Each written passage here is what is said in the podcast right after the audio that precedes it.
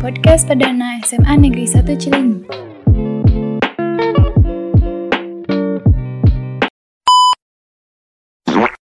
Ahlan wasahlan jami'an. Annyeong ya Robun. Halo teman-teman, selamat datang Di podcast perdana kita. Semoga kalian suka dengan podcast ini ya. Sebelumnya perkenalkan, saya Syaira dan rekan saya. Saya Gaitsa. Di sini kita bakal nemenin kalian dengan podcast yang seru, menarik, dan bermanfaat tentunya buat kalian semua. Kita juga bakal nyampein beberapa titip salam melalui question box instastory at OSI1 Cilenyi. Nah, podcast perdana kita ini spesial loh, karena di sini kita akan membahas bersama seorang narasumber yang ahli dalam bidangnya tentang sesuatu yang menarik dan pastinya ini sering dirasakan oleh kalian semua. Fuck.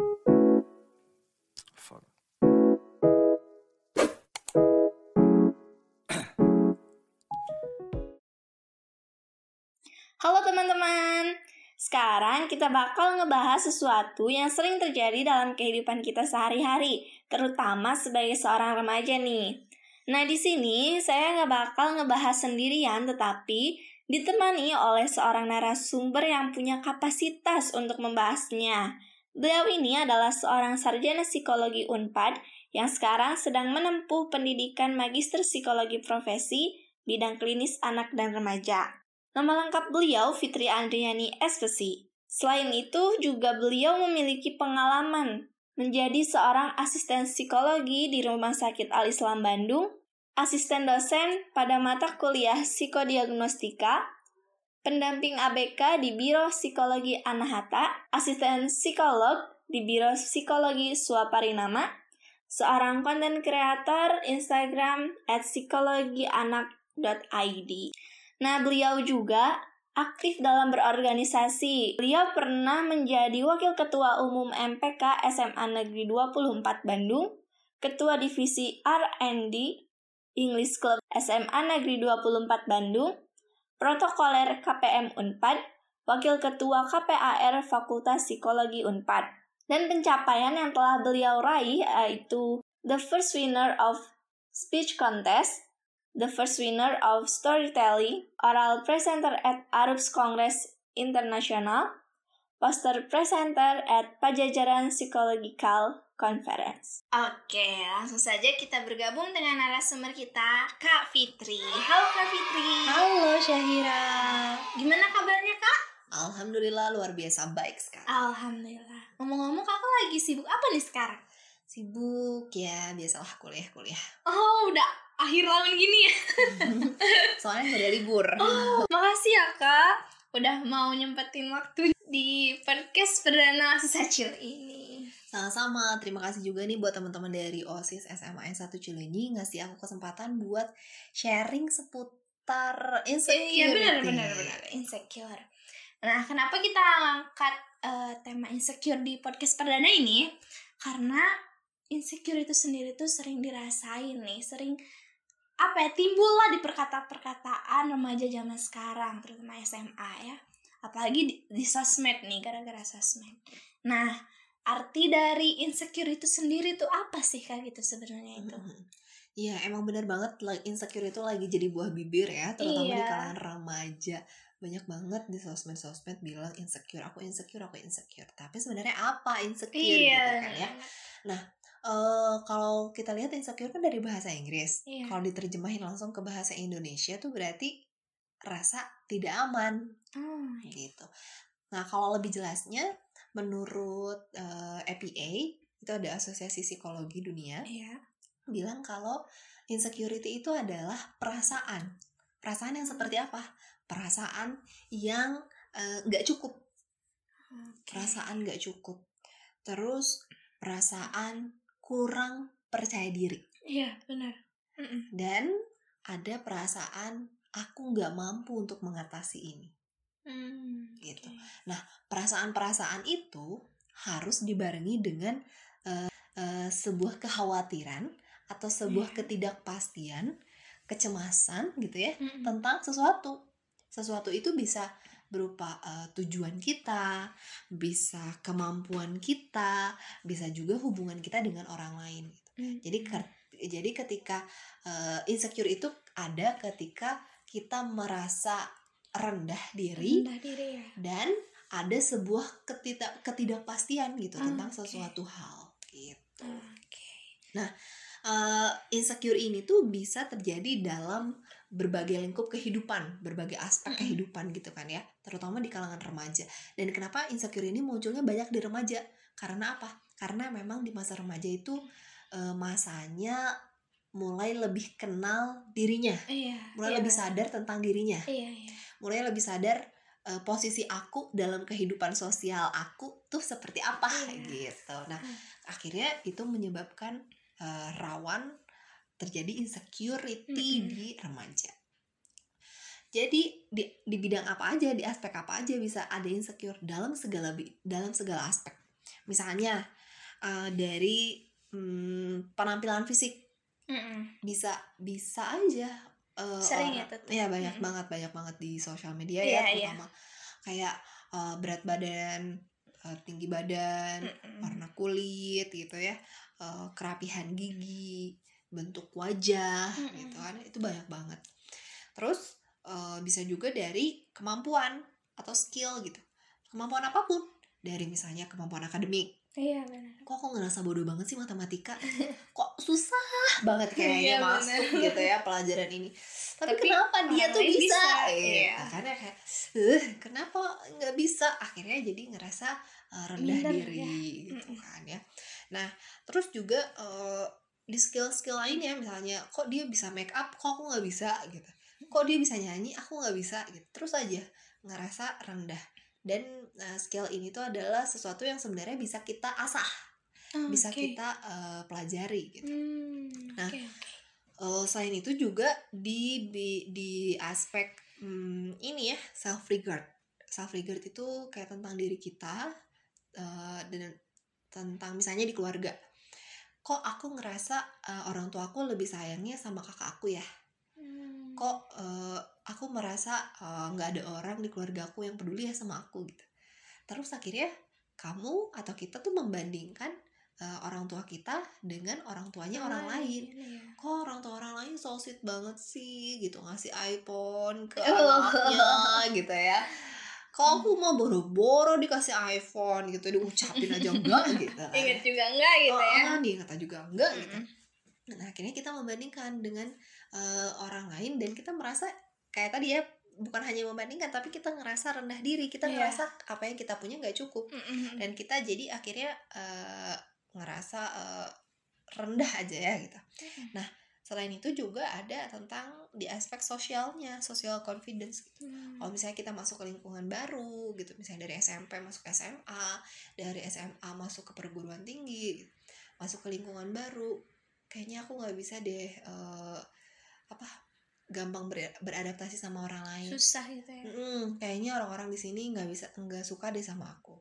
Kayaknya orang-orang di sini tuh uh, ini udah udah netting duluan ya. Mm, kayaknya mah nggak bisa lah orang ada orang-orang ada orang-orang di sini elit, mah elit, elit gitu, ya. gitu udah aku mah apa tuh butiran debu gitu ya misalnya nah yang kayak gitu-gitu yang akhirnya bikin kita merasa insecure iya, gitu oke okay. jadi Kenapa kita bisa insecure tuh kak? Karena dari minder itu atau gimana? Hmm. Nah, uh, sebelum aku jawab, aku mau cerita dulu satu cerita. Oke, okay, boleh. Jadi ini ada satu kisah dari seorang remaja. Uh, mm-hmm. Sekarang dia udah 19 tahun. Mm. Dia udah kuliah. Ya? Hmm, Dia udah kuliah sekarang dan dia cerita uh, waktu dia SMA, dia pernah ngalamin yang namanya insecure. Oh. Mm-hmm. Uh, dia ngerasa eh, dia insecure karena penampilan fisiknya oh ya karena, banyak itu mm -mm, karena dia menurut dia dia punya tubuh yang gendut mm. dan wajah yang berjerawat mm. Lalu di saat yang sama dia tuh mulai suka atau mulai tertarik dengan lawan jenisnya mm. okay. terus dia jadi mikir nggak ada orang yang suka sama aku oh, orangnya ya itu juga nggak suka sama aku gitu orang yang aku kacang tuh nggak suka sama aku gitu mm -mm. karena ya karena ya siapa yang suka sama aku aku badannya gendut muka aku berjerawat kata oh, dia overthinking hmm, jadi dia nggak nggak mau dia uh, dia apa hmm, Minder merasa ya. rendah diri Hmm. uh, uh, sama orang lain dan menyalahkan dirinya uh, uh, Fisiknya. menyalahkan dirinya menyalahkan si tubuhnya yang menurut dia gendut dan berjerawat itu tapi menariknya uh, ditanyakan Hmm. emang mm, penampilan fisik kamu yang kamu anggap gendut dan berjerawat ini udah dari kapan gitu terus dia bilang ya udah dari dulu sih dari Oh. SMP gitu Oh, dari SMP juga aku emang udah gendut dan Mm. udah berjerawat tapi baru terasa insecure-nya Beneran. tapi baru merasa insecure-nya itu eh apa namanya waktu SMA Iya. nah kalau dari situ kita lihat sebenarnya kalau kondisinya sama kondisi Mhm. tubuhnya sama berarti bukan itu yang menjadi faktor dia Iya benar. eh, yang menyebabkan dia insecure. Kalau misalnya dari bertubuh tubuh yang gendut atau eh, berjerawat gitu ya, berarti harusnya semua orang yang punya kondisi tubuh seperti itu dia harus merasa insecure. Iya. Gitu. Tapi ini enggak loh, dia sendiri aja Iya. waktu SMP nggak insecure, dia baru insecure-nya pas SMA. Kenapa bisa seperti itu? Nah, kenapa? Karena pas SMA dia mulai membandingkan dirinya dengan eh, sosok cantik menurut yang menurut dia sosok cantik Hmm. seperti Pevita Pierce, Oh, jauh gitu ya. seperti Amanda Rawless gitu. Hmm. Nah, dia ngebandingin orang yang cantik itu kayak gitu. Hmm. Makanya aku nggak cantik, dah aku mah jauh sama mereka. Hmm. gitu jadi eh ditambah omongan orang yang eh kok kamu gendut sih nah karena mulai remaja tuh dia mulai lebih sadar dengan dirinya ya Iya. dia juga jadi lebih sadar sama omongan orang Iya. gitu kok kamu gendut banget sih kok kamu beda sih sama adik kamu adik kamu mah kurus gitu kok kamu mah gendut gitu kan ya Iya. Dia gendut hitam jelek lagi Oh, ya hidup ampun. lagi gitu kan ya. ada orang suka kayak gitu ya Iya, iya. Nah. walaupun bercanda juga Hmm. tapi tetap ya nyakitin tuh. Omongan orang tuh eh, kadang dia dia nggak niat untuk nyakitin gitu tapi Hmm. cuma bercanda doang tapi untuk eh, orang tersebut gitu ya itu sangat sakit gitu Iya. iya. tapi dia nggak berani untuk ngomong ke orang lain kalau misalnya apa yang kamu lakukan itu adalah menyakiti aku Iya. gitu Gak enakan gitu ya. Mm-mm, nggak enakan nah akhirnya karena dia berusaha eh, nunjukin kalau oke aku fine aja diomongin kayak gitu gitu ya Iya. Akhirnya mengizinkan orang lain juga untuk memperlakukan dia terus seperti itu Hmm. Jadi kita nggak boleh nggak enakan juga ya. harus pada tempatnya gitu ya nggak enakan juga nah kalau kita lihat dari cerita itu Iya. jadi kenapa akhirnya seseorang bisa insecure adalah kita kita rangkum dari pertama kurang memberikan penghargaan terhadap diri kita sendiri Iya. jadi kita kurang menghargain diri kita gitu kita kurang kurang berterima kasih terima kasih loh diri pernah nggak kamu bilang terima kasih ya eh, Fitri udah ada di sini terima kasih ya Fitri udah eh, gendut gitu pernah nggak bilang kayak gitu Pernah. oh pernah kalau Syahira pernah ya Iya. Kan Oke. aku love ya love myself. gitu. Oke, berarti ini bukan contoh yang insecure ya guys, ini mah contoh yang eh contoh Oke. baiknya gitu ya. Amin.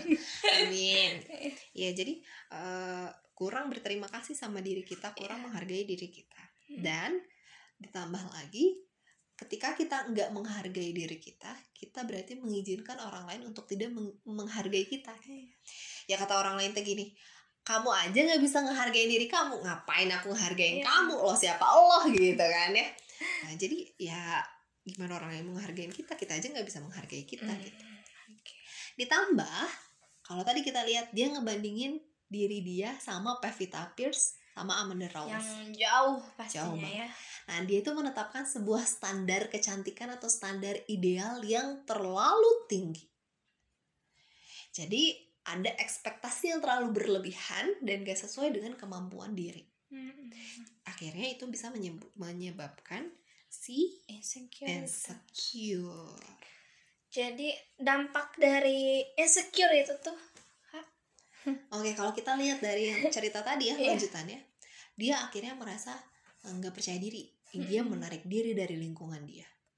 Dia nggak mau bersosialisasi sama orang lain. hmm, Dan it, extreme way ya dalam hal ekstrim dia akhirnya melakukan self harming hmm. melukai diri dia sendiri nyakitin apa yang di, ya, pokoknya nyakitin segala yeah, bentuk yeah. menyakiti hmm. diri dia sendiri dan sampai akhirnya dia depresi oh, gitu. ya, terus dia jadi diet diet yang super keras tapi tanpa memikirkan uh, kesejahteraan dirinya jadi dia hmm. nggak makan benar-benar nggak makan dia ngeluarin lagi apa yang dia udah makan hmm. gitu ya kalau dia makan tuh dia ngeluarin lagi uh, binge eating gitu ya dia ngeluarin lagi semua yang udah dia makan Tap, terus uh, dia juga karena berjerawat akhirnya dia coba berbagai skincare tanpa hmm. mem mementingkan tanpa memperhatikan ya. ya tanpa memperhitungkan kandungan apa sih yang dalam skincare itu hmm. kan di skincare ada zat A nggak boleh ketemu sama zat B tapi yeah. dia nggak peduli gitu alhasil apa bukan diet dan glowing yang dia dapat eh, bukan breakout uh, dia malah dia malah jadi sakit mm. bukan hanya sakit fisik tapi secara mentally dia juga sakit mm -hmm. gitu terguncang gitu mentalnya mm -hmm, pasti ya gitu terus selain itu uh, itu tadi ekstrim ya dalam yeah. dalam kasus-kasus yang ekstrim ada lagi yang uh, ini middle misalnya mungkin ya hmm, kayak psikosomatis oh, oke okay. hmm, psikosomatis itu uh, misalnya kamu sakit kepala mm -mm. sakit kepala terus tiap uh, ngelihat si selebgram ini aku jadi sakit kepala misalnya gitu ya. Bisa gitu ya. Bisa. Atau tiap ngedenger omongan orang kayak gini aku sakit perut misalnya. Ma aku kambuh nih kalau dalam situasi tertentu. Misalnya aku ma aku suka kambuh kalau misalnya aku lagi di lingkungan baru gitu. Nah hmm. tapi uh, ketika dicek itu nggak ada apa-apa gitu ke dokter oh, sehat-sehat aja gitu ya? sehat-sehat aja dan ini ada dua tipe orang tipe yang pertama orang yang sakitnya di situ-situ aja oh. misalnya di kepala kepala, kepala terus iya. sakitnya ya. kalau di perut perut terus sakitnya mm-hmm. kalau di mah mah terus sakitnya nah mm-hmm. ini ya ini buat teman-teman uh, tahu nggak mah penyakit mah gitu ya yeah. itu bukan hanya karena kekurangan makan gitu ya tapi itu sangat berkaitan sama kondisi psikologis oh bisa itu mm -mm. apa ketika kita stres ya uh, asam lambung itu naik. Oh, jadi bahaya banget ya? Mm, jadi pokoknya mah itu tuh bisa berkaitan sama uh, kondisi psikologis. Jadi kalau hmm. misalnya ngerasa kok mah aku nggak sembuh sembuh gitu, udah diobatin, udah pakai uh, obat mah satu toples misalnya gitu ya, nggak sembuh sembuh. Nah coba kalian introspeksi apa yang sedang saya alami. Kalian sedang merasa stres akan sesuatu atau sedang merasakan tidak nyaman atas sesuatu nah itu coba dicari nah itu karena hmm. sangat berkaitan sama kondisi psikologis hmm. bisa nah, jadi bahaya parah hmm. ya nantinya kondisi yang kedua hmm. orang yang sakitnya pindah-pindah oh misalnya awalnya di, di hari ini sakit kepala Nanti besok turun gitu ya. ke bahu besok turun ke dada aduh sesek gitu oh, besok turun ke perut aduh mah kambuh bisa gitu besok encok ya itu bisa tapi um, mungkin beda-beda ya maksudnya mm. beda beda situasi beda sakit gitu mm, tapi ketika okay. dicek nggak ada apa-apa nah mm. itu yang ah. disebut psikosomatis gitu jadi fisik kamu ngera kamu ngerasa fisik aku ngerasa fisik aku sakit tapi sebenarnya pas dicek nggak ada apa-apa gitu mm. nah selain itu dampaknya juga bisa um, gelisah gelisah terus dan kadang gelisah ini kita nggak sadar mm tapi kelihatannya pas tidur. Saya mau tidur aku nggak bisa tidur. Madep kanan nggak bisa madep kiri tetap aja nggak bisa. Udah ngitung domba nggak bisa juga. Gitu kan ya. Tetep aja nggak bisa tidur. Tapi dah aku tuh mikir nggak ada. Aku nggak mikirin apa-apa gitu ya. Aku nggak lagi mikirin apa-apa kok. Tapi kamu tetap nggak bisa tidur gitu. Nah itu salah satu bentuk kamu gelisah tapi kamu nggak sadarin gitu. Apa yang bikin kamu gelisah gitu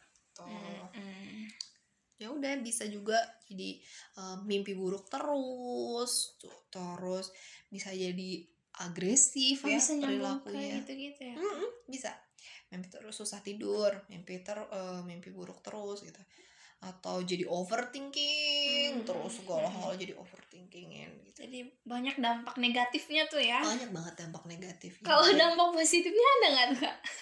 Uh, acuan paling ya buat kita biar lebih baik lagi gitu atau gimana Nah, bisa nggak insecure ini juga kadang menjadi hal yang wajar ya. Mm-mm. Misalnya nih, kamu lagi ada di tengah hutan, wajar nggak kamu merasa insecure?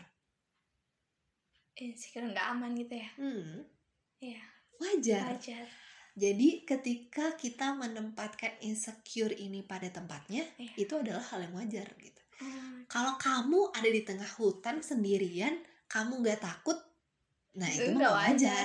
Iya. Kamu nggak punya apa-apa sendirian di sana, kamu mau orang bertahan hidup gimana gitu kan? Ya, ya itu harus dipertanyakan gitu. Oke. Oke, Kak. Dari tadi banyak penjelasan dan dampaknya dari insecure itu. Nah, caranya nih, Kak. Cara untuk menghilangkan eh kalau misalnya udah terjadi tuh insecure di diri kita. Atau misal cara menghilangkan dan juga cara biar kita nggak insecure gitu. Apa itu? Harus gimana kita? Apa Oke, yang harus kita- kita lakuin gitu? Kita rangkum dengan cara mengatasi mungkin. gitu Iya, ya. iya bisa. Iya. Kalau tadi kita lihat eh, sebelumnya aku kan bilang ya insecure ini wajar aja kalau ada di tempatnya. Iya. Jadi mm, sebenarnya bukan perlu dihilangkan gitu.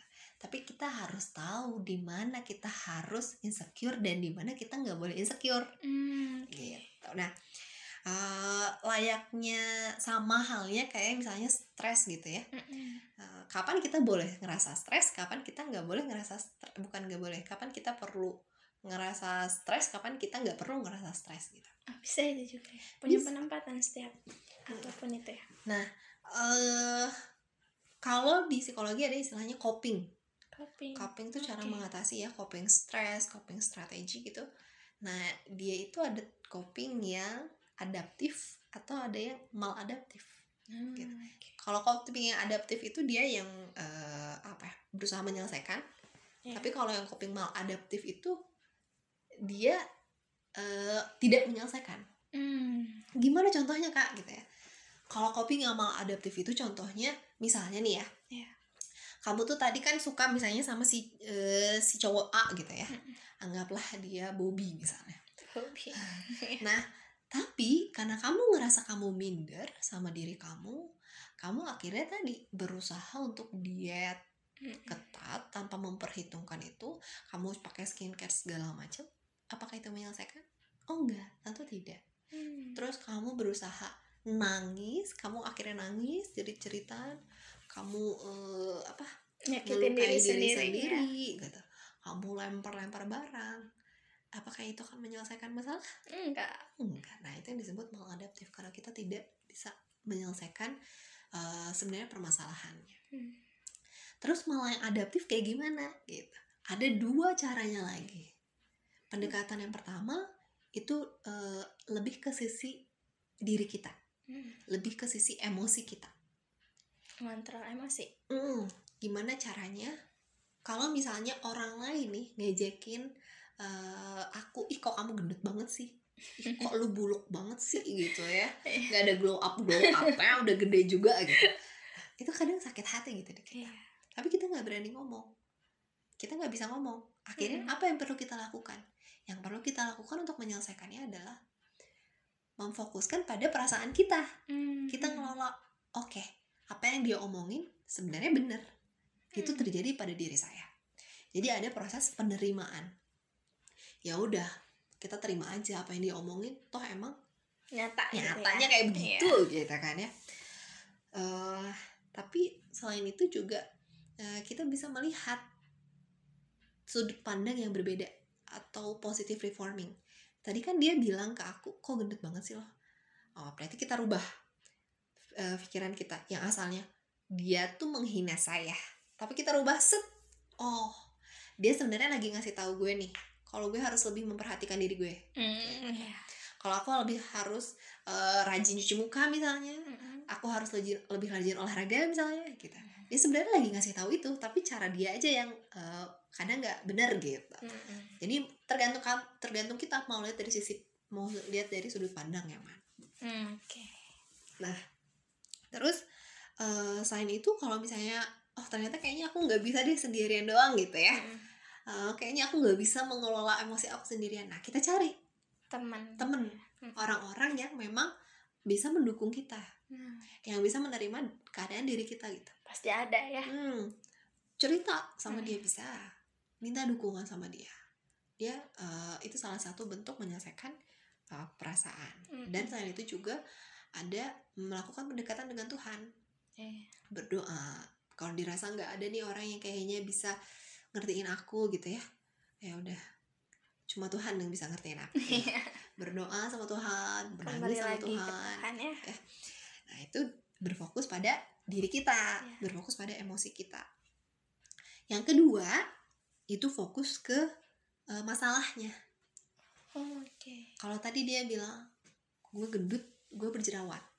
Tadi sebenarnya sih yang cerita yang tadi ya Mm-mm. dia udah melakukan udah berusaha fokus ke masalahnya dengan cara dia diet dan pakai skincare Hmm. tapi dia tidak memperhatikan eh, kesejahteraan dirinya Hmm, oke. nah kalau kita berusaha menyelesaikan suatu masalah yang berfokus pada si masalahnya inti masalahnya Hmm. yaitu tadi jerawat dan eh, gendutnya Hmm.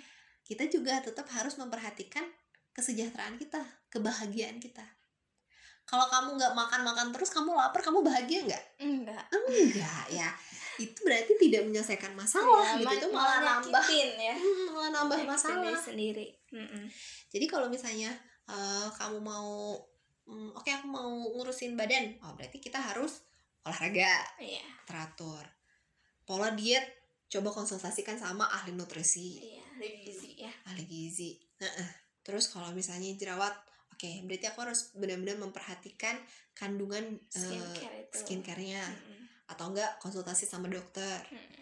Kayak gitu. Jadi tetap memperhatikan kesejahteraan aku, kalau kesejahteraan diri diri kita. sendiri ya Kalau kita ngerasa aku nggak mau dengan cara yang ini, ya udah nggak usah dilakuin. Perhatikan dulu kesejahteraan diri kamu.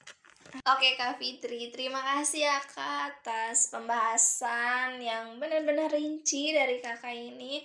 Jadi ilmu baru untuk kita ya sebagai pendengar. Sebelumnya Kak ada kata-kata terakhir?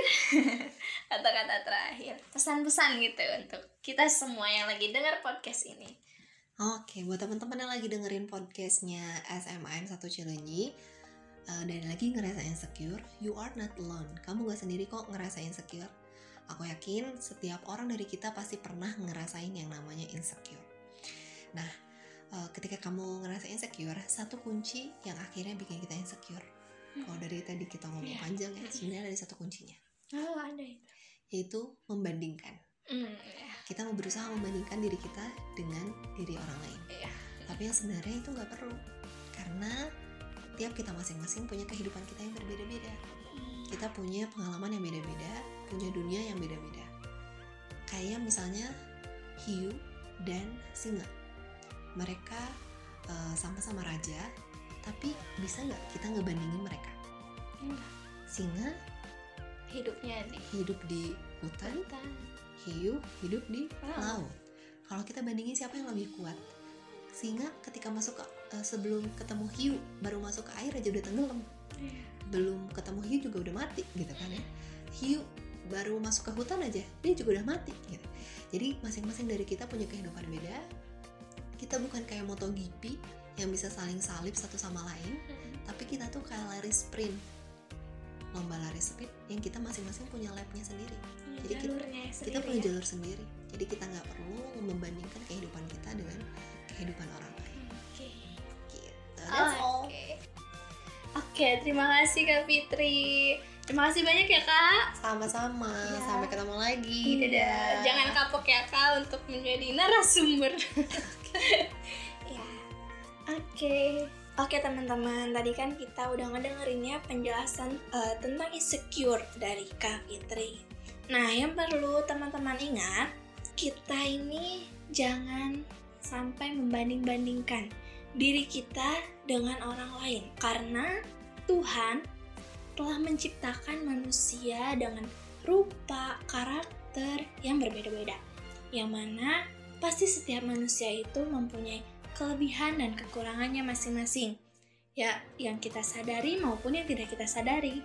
Percaya diri, jangan minder, dan percaya apa yang kita punya saat ini.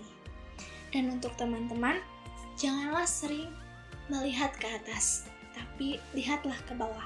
Lihat yang lebih rendah daripada kita. Karena apa? Agar kita bersyukur Karena kalau kita selalu lihat ke atas, kita akan merasa tidak puas dengan apa yang kita miliki sekarang. Tapi boleh teman-teman sesekali tengok ke atas karena sebagai motivasi kalian juga agar kalian berkembang, bisa berkembang, tidak stay di zona nyaman kalian. Oke, jadi mulai sekarang love yourself karena jika bukan kita yang cinta pada diri kita sendiri, siapa lagi? Tetap semangat teman-teman semua.